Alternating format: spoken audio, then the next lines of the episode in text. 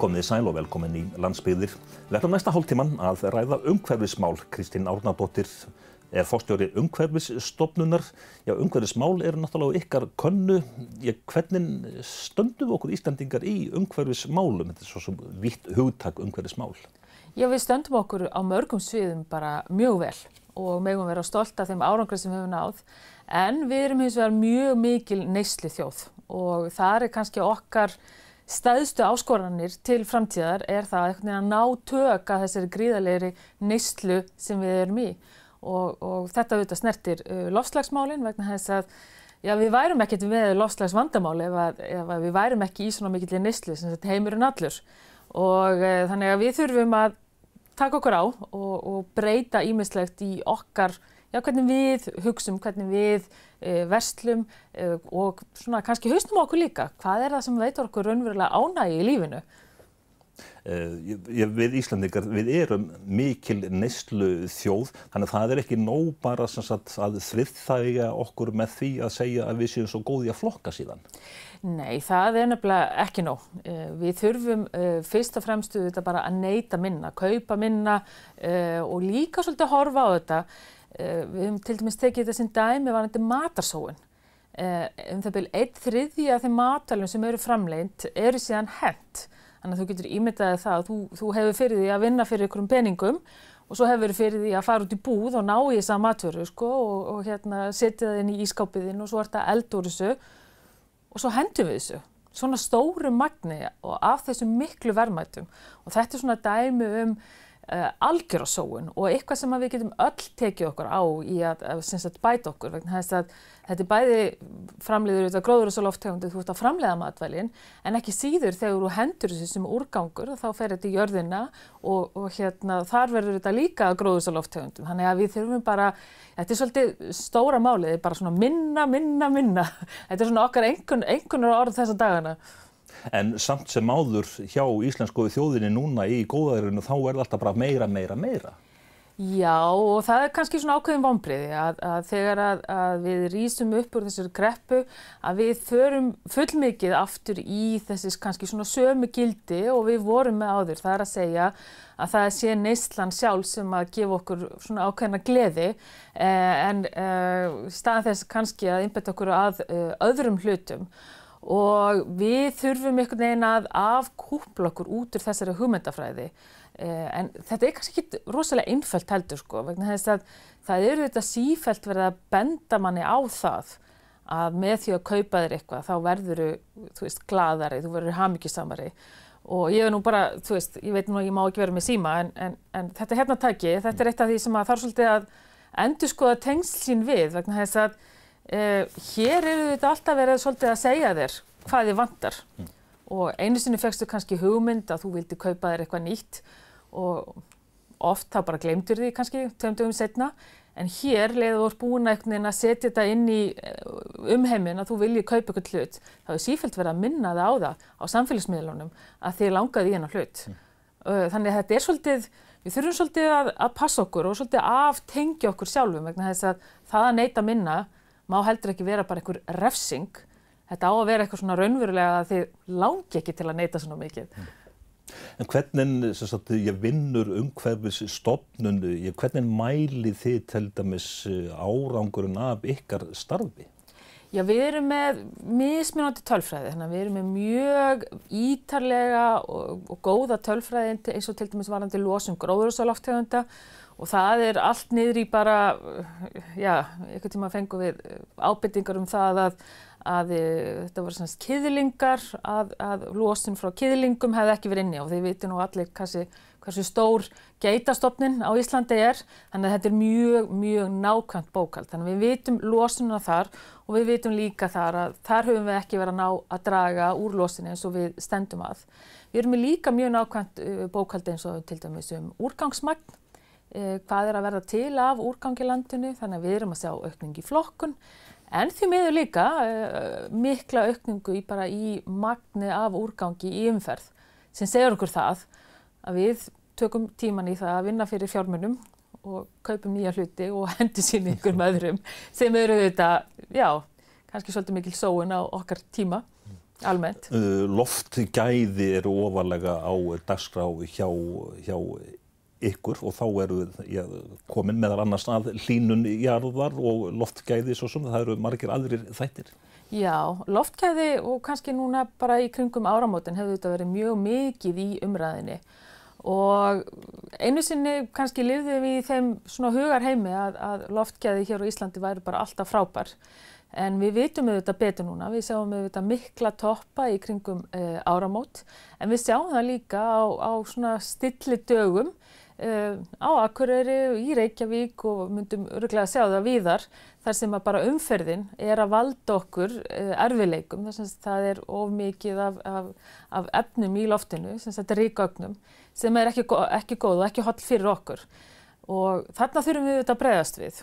Og til þess eru auðvitað mælingarnar. Við mælum til þess að sjá hvert er ástandið, til þess að við getum greipið síðan raunverulega til aðgerða og gert eitthvað En er það stundum þannig, eða eru við Íslandingar stundum þannig að við sagt, svona, erum svona, já, eithjóð, við erum ekki með sagt, landamæri að öðrum ríkjum. Og þú nefndir eh, gamlaskvöldið og það voru allir bara gladir með það, það var svolítið vindur og mengunin fór í burt og þá bara var þetta í lægi en mengunin náttúrulega fór þá bara eitthvað annað eða ekki? Hún auðvitað, hún auðvitað fer eitthvað annað og, og það er auðvitað það sem við þurfum að horfast í augu við að jætnvel þó við séum eithjóð og og þetta er aldrei langt til annara landa að þá sjáum við til dæmis kannski bara eins og með plast í hafi. Plastið, hérna, það fer út um allt og þú finnur það í hérna, snjó í, í, í, í norðurskautunum. Þetta fer út um allt og þannig að það sem við setjum frá okkur, það endar eitthvað staðar. Þú mannst kannski eftir þessu lengi tekur hafið við, mm. en það eru þetta ekki þannig. Hafið tekur bara ekki lengi við. Mm eh, margir hluti þeir hreinlega eigðast ekkert upp og verða hérna áfram. Þannig að þetta snýst svolítið um það að við séum svolítið ábyrgið því hvað við erum að gera og mér finnst líka við Íslendingar, við erum mjög rík þjóð. Við erum bæði rík efnislega, við erum líka frábæra náttúruauðlindir og náttúru og, og flesta daga ásins, mjög hreint og gott loft. Eh, þá er það líka kannski aukin ábyrð hjá okkur að sína fram á það að þú getur átt gott og innihalsrikt líf án þess að vera endalust með einnota plastumbúðir eða vera endalust að kaupa hluti. Að þegar við gefum út þá sín að þetta sé besta lífið að vera alltaf að kaupa hluti og, og, og að þá erum við auðvitað að gefa líka þau skilabóð til umheimsins að þetta sé það besta í heimi. Mm. En það eru þetta ekki þannig. Mm. Þú einmitt segir sagt, eh, að lengi þetta ekki hafið við. Við sjáum já, fréttir af því í sjómarpinu þegar það er verið að reynsa já, fjörur á ströndum eða fyrir vestan. Þetta er ótrúlegt magt sem að kemur ár eftir ár eftir ár. Já og þetta eru þetta verkefni sem við erum búin að vera í í nokkuð tíma núna að, að mæla í raun og veru það, þann úrgang sem kemur á strandir og svona flokka raunverulega. Hvaðan kemur, hvaðan kemur e, þessi úrgangur, hvaðan kemur þetta, svona, við mikið að horfa meðal annars til plast e, og þetta er til þess að við getum raunverulega greipið til aðgerða. Mm. þess að við ætlum okkur ekki í sjálfu sér að vera alltaf að reynsa fjörur á landinu næstu hérna, 100 árið. Við ætlum að koma í veg fyrir að þessi hlutir lendi í hafinu og endi síðan í fjörunum. Og akkurat þessi rannsótt sem þú hérna, myndist á með fílana, eh, þetta eru þetta mjög mikilvægt að við rannsókum okkar lífkerfi og þess vegna stóð umhverfstofnun fyrir, eh, fyrir þessari rannsókn. Hvert er magna plasti í maga á fugglum á Íslandi? Og þetta segir okkur það að við erum eithjóð en við erum svo sannarlega uh, verðum fyrir áhrifum uh, allstaðar frá. Þegar já, þú komst hérna í þetta viðtal sem er tekið upp á Akureyri, þú keirðir í, í gegnum bæin og varst vantarlega vör við svifrik Akureyringar nota mikinn sand eða malarefni til hálkuvarna, mm. rúmlega þúsund tonn á einu vitri. Já. Já, þetta er eh, stilt, eh, stiltur og, og fallegur morgun og, og maður sá alveg eh, hérna að það var mikil e, svifrik í, í loftinu.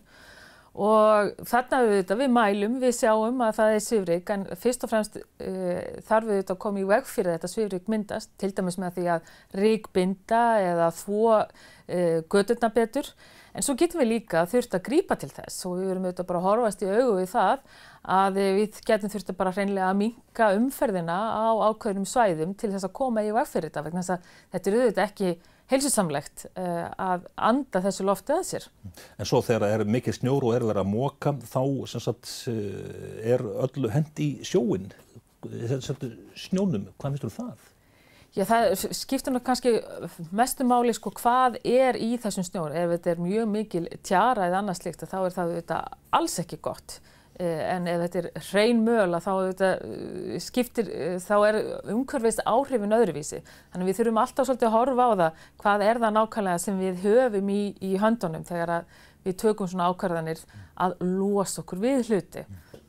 Rekstur uh, umhverfistofnunar er mjög fjöl þættur uh, víða um landar starfsmenn mjög víða um landið. Þetta rekstur þriðlistra svæða er á ykkar uh, könnu og ferðamannum hefur fjölgað gríðarlega með já, átróðningi tilherandi.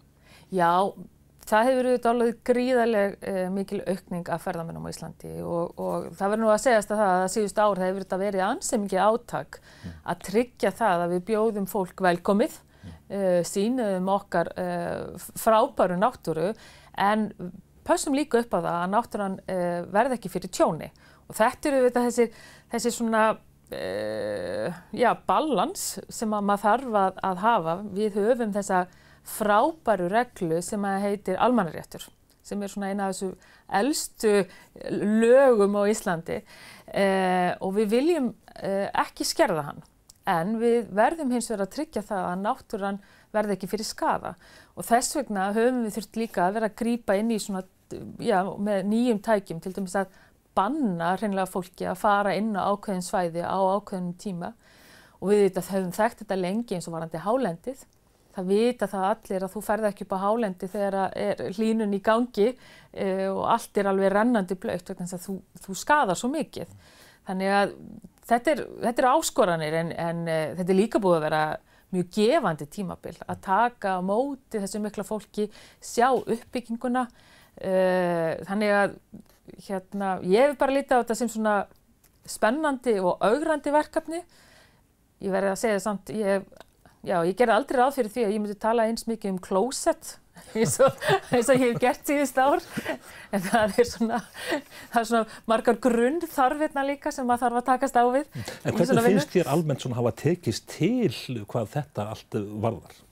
Eh, ég held að, að, að mörguleita hafi, hafi þetta gengið vel og alveg ótrúlega vel. En ég held að við verðum líka að vera svolítið sjálfskragrinnin og, og horfa á uh, staði, uh, verkfæri sem við þurfum að, að gera betur. Og það er kannski uh, grundvöllurinn uh, hjá okkur. Við verðum að læra þeim mistöku sem er gert og, og, og vera svolítið bara heiðarlega með það að að það eru þetta ekkert allt 100% sem, að, sem við gerum sko. En ef við verum sífælt að reyna að gera betur, þá munum við líka að gera hlutina betur. En sínist þið stefna hugsanlega í að það þurfi reynilega bara að loka einhverjum svæðum? Ert þú með einhvern rauðan lista á, á þínu skrifborði? Já, sko, við erum uh, sífælt að vinna með svo, svo kallega rauða lista en þá erum við að horfa á svæði sem er undir miklu álægi og hvaða aðfrafræði við getum raunverulega nýtt til þess að halda svæðanum opnum, þannig að það er megin markmið okkar. En ég verði þetta líka að segja það að þau svæði sem eru hvað allra viðkvæmust, að stundum er þá líka bara best að láta sem fæst að vita af þeim. En það eru þetta ekkert mjög auðvelt á heimi þar sem að ykkur popstjarnar tekur upp á því að láta taka mynda sér að ykkurum stað og síðan er þetta orðið bara reysa ferðamannastæður og þetta var ekkert neitt sem ykkur var búin að plana. Þarna bara tekur upp ykkur, já, áhrifa ríkur einstaklingur upp á því að taka sjálfsmynd. Og, og já, við sitjum, sitjum þarna og þurfum að breyðast við mjög fljótt og öruglega en uh, já, þarna eru, ég held að að kannski lausnin sé ekki svo að við séum að fara að loka uh, stórum svæðum en við verðum að stýra þeim mjög vel og það er hægt. Við höfum bara séð að ef þú setur göngustíg, fólk fylgir göngustígum. Ok, 98% fólks fylgir göngustígum. Tölum um annað stort mál, fiskeldi. Það eru miklar deilur um það, það er ekki sama við hvernig maður talar, það er, sumir segja að þetta sé mikil umhverfismengun. Vestfyrðingar til dæmis, þeir vilja mjög gerðnan sjá fiskaldi hjá sér en segja semst að stopnannir á borðu við já, umhverfistofnun mm. og hafrásnundastofnun þeirlega bara standi í vegi fyrir uppbyggingunni. Já, Við auðvitað gefum út uh, starfsleifi uh, fyrir mengandi atvinnurekstur og, og það er svona, við erum með kannski þessi staðstu fyrirtæki í landinu og það var ákveðið af þinginu að umhverfstofnun myndi sjá um alla útgáfu á starfsleifi fyrir fiskaldi og það var svolítið stefnumarkandi vegna þess að menn sáu fyrir sér að, að menn myndi fara í starra fiskaldi. Uh, við okkar hlutverki raunverulega tryggja það að, að hérna, þetta verði ekki tjóna þessu, þetta verði umhverfunu beri ekki skaði af og takmarka starfsina með þeim hætti. Og ég hef nú oft rætt við fiskaldismenn og ég heyr alveg í þeim að þeim finnst þetta ganga hægt fyrir sig. En þetta er líka stóra atvinnurekstur og ég held að það sé mjög mikilvægt fyrir uh, allan atvinnurekstur að það sé skýrir rammar uh, í uppbyggingarfasanum líka. Þannig að, uh, en maður hefur alveg heyrt þessa óþólumæði, það er alveg rétt. En þegar þú ferðu semt, vestur uh, á Patró eða Ísæfjörð, skilir þú áhyggjur fólks sem að, já, sem það er að fækka fólki eða, eða mjög hæg fjölgun, getur við frekar sagt, skilir þú áhyggjur fólks sem að segir, jáfnvel, er náttúrun aðri hérna manninum? Já og átt mjög góðar samræðum um bæði við sveitastjórnarfólk og við erum einmitt með starfsfólk bæði á Patrísfyrði og Ísafyrði þannig að við erum svolítið svona sem ég er mjög ána með, við erum svolítið beintengt uh, við uh, landsbyðirnar mm. og við skiljum þetta mjög vel en líka þessi þáttur sko að það er svo mikilvægt að halda vel utanum uh, svona atvinnurekstur eins og allan annan atvinnurekstur og ég held að þegar að fólk sest niður, uh, við ræðum málinn, förum yfir hvaða reglur þetta eru, hvernig við vinnum hlutina, að þá held ég að, að flestir sjáu það að, að markmiðið okkar eru auðvitað ekki að standi í vegi fyrir ykkur, heldur tryggja það að hlutindi sé gerðir mjög vel. Og allt slíkt tekur tíma? Og allt sitt tekur tíma og það má ekki gleyma því að, að uh, eitt af svona grundvallar atriðu núna í svona nútíma samfélagi er hversu mikla áherslu við leggjum á samráð það að þú komir fram með upplýsingar og gefur eh, aðilum tækifæri á að hafa aðtöðasemtir og það tekur tíma, það tekur tíma að tala við fólk en ég hef nú stundum sagt að veist, ef við færum bara ein á stað bara, þá værum við örgulega mjög fljót mm.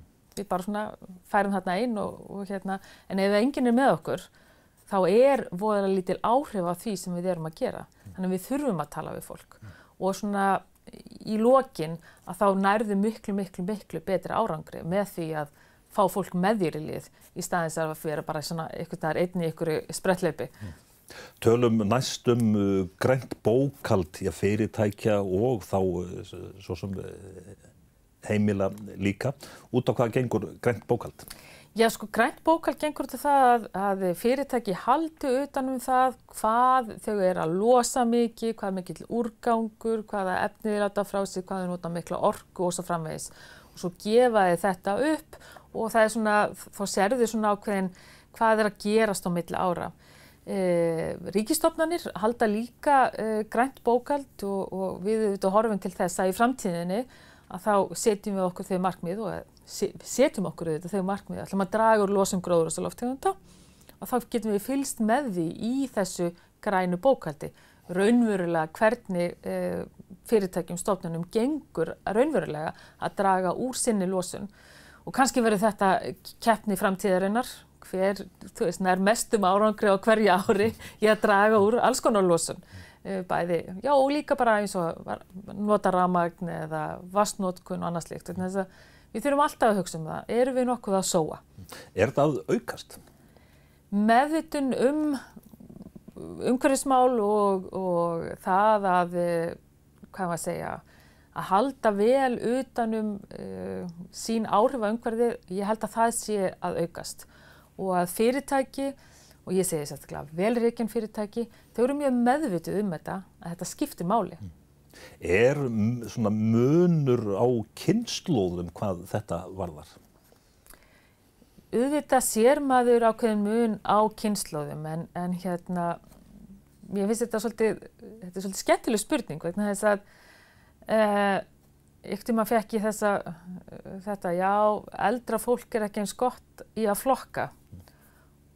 Kanski er það rétt, ég vil nú ekki kannski dema það beint 1, 2 og 3, en það eina sem ég veit, bara svona að fólkinu í kringum mig, að eldra fólk er yfirleitt um, ekki eins miklu neyslu heldur. Þannig að það er bara hreinlega, það nýtir betur, það kaupir minna. Þannig að, að en kynsluðarnar eru þetta mismunandi og við höfum alist upp á mismunandi tímum með mismunandi þarfir.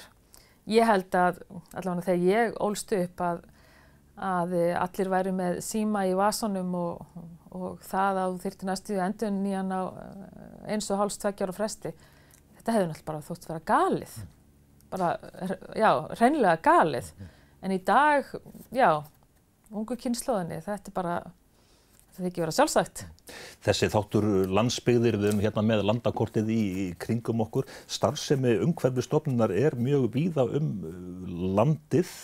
Uh, hvernig gengur það? Var ekki miklu, miklu þægilega fyrir fórstjórun að hafa alla í kringu sig bara?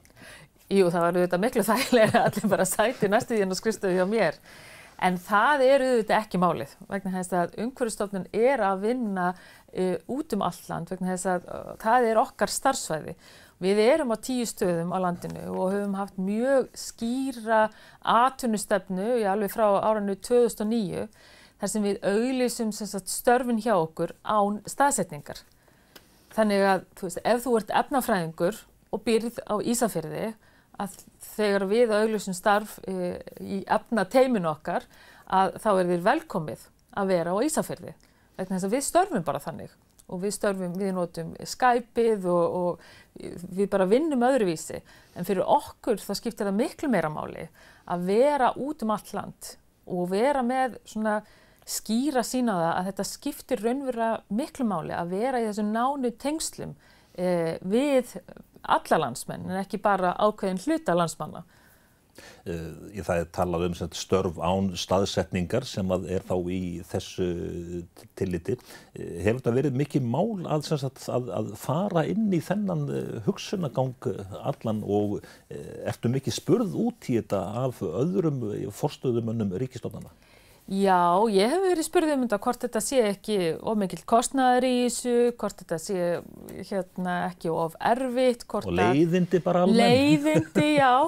Sko það eru þetta ákvæmlega áskoranir í því að vera með svona margar starfstöðar eh, og kannski sérstaklega ef að starfstöðarnir eru svona einmenningsstarfstöðar. Mm. Eh, en þá pössum við okkur líka að reyna að fara inn í samflót með öðrum stofnunum eða þeim sem er að gera svipaða hluti. Eh, við teljum þetta að vera bara hreinan ágóða fyrir okkur. Eh, þarna náum við þessum uh, góðu tengslum uh, við alla og og ég held að við gefum bara þegar við ráðum fólk inn til okkar, jáfnveil þó þú byrjir uh, Akureyri, Reykjavík, þá getur þú alltaf sagt, sagt, komið til mín og sagt, já, hérðu Kristi, nú hérna, maki minn er hérna búin að fá vinnu á Ísafyrði, þú veist, ég vinn hérna við uh, eftirlit með stóriðju, uh, er ekki í lægi að ég búi, þú veist, á Patrísfyrði og það bara, jú, það er ekkert mál.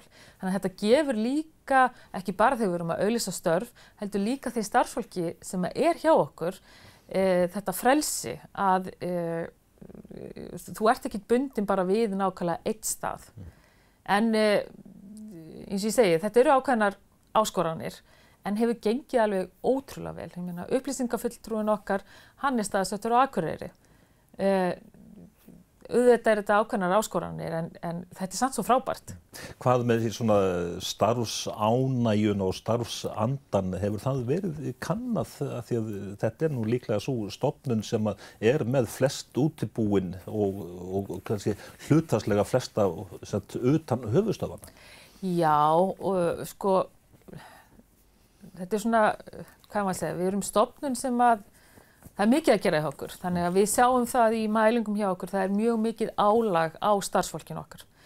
en hins vegar er líka mikil starfsánægja og sagt, fólk er glatt í vinnunni og finnst þau vera að vinna starf sem skiptir miklu máli en líka þetta er mikið álag, það er mikið að, það er mikið að gera og, og hérna þú myndist á fiskaldi, það er náttúruvendin, þetta eru svo margir stóri þættir sem að hefur verið svo mikið að gera í þannig að þetta er, þetta er líka álag. Mm.